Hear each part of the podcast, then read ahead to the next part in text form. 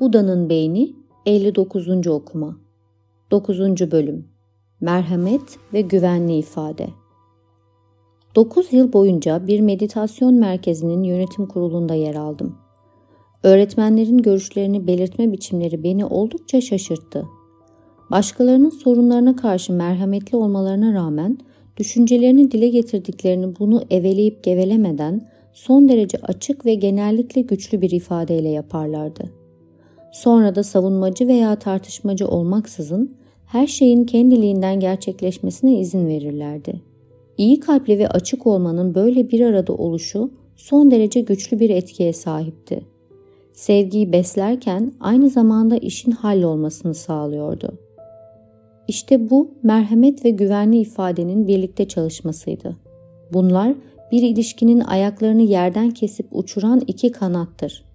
Birbirini destekler. Merhamet güvenli ifadeye yumuşaklık katar.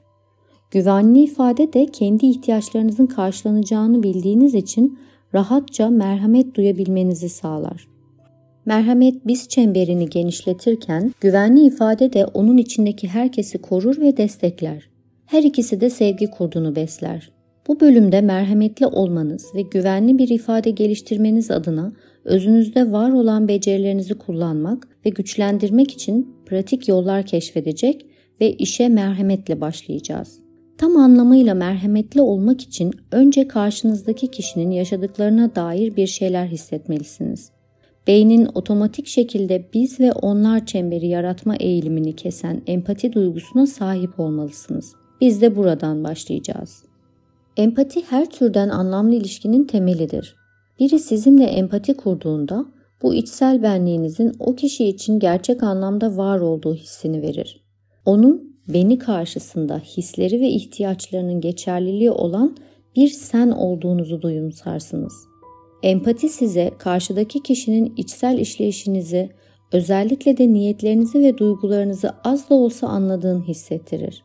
Dan Siegel'in ifade ettiği gibi bizler hissedildiğini hissetmek isteyen sosyal hayvanlarız. Diyelim ki empati yapan taraf sizsiniz. Empati göstermek, saygı gösteren ve kişiyi rahatlatan bir tutumdur.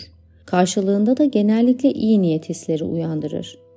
Karşı tarafın çoğunlukla sizden beklediği tek şey empatidir. Karşınızdakinin hala konuşmak istediği bir şey olursa bunu daha pozitif bir atmosferde tartışabilirsiniz. Dahası Empati kurmak size karşınızdaki kişi hakkında aklından neler geçtiği ve gerçekten neleri önemsediği de dahil olmak üzere birçok yararlı bilgi verir. Örneğin karşınızdaki kişi sizi eleştiriyorsa onu en derinlerdeki isteklerini, özellikle de daha uysal, gençliğinden kalma istekleri hissedin. Böylece daha geniş bir resme kavuşursunuz. Bu da muhtemelen ona karşı herhangi bir kızgınlık ya da kırgınlık duymanızı azaltır. O da büyük ihtimalle sizdeki bu değişimi fark ederek daha anlayışlı olacaktır. Açıkça ifade etmek gerekirse empati ne onaylama ne de hak vermedir. Farklı davranmasını dilediğiniz biriyle de empati kurabilirsiniz. Empati haklarınızdan feragat etmeniz anlamına gelmez. Bunu bilmek empati kurmanızı kolaylaştırabilir. Spiritüel pratikte empati birbirimizle nasıl ilişki içinde olduğumuzu gösterir. Sizi kendi görüşlerinize saplanıp kalmaktan kurtaran, masumane bir bilinçle farkındalık yaratan ve merak uyandıran bir yaklaşımdır. Empati erdemin eyleme dönüşmesi, karşınızdaki kişiyle o anda kalmak adına tepkisel kalıpları sınırlamadır. Zarar vermeme ilkesini içerir. Çünkü empati eksikliği genellikle karşımızdakileri üzer ve farkında olmadan onlara zarar vermenin kapısını aralar. Empatinin özünde cömertlik vardır başka birinden etkilenmeye kendinizi açmış olursunuz.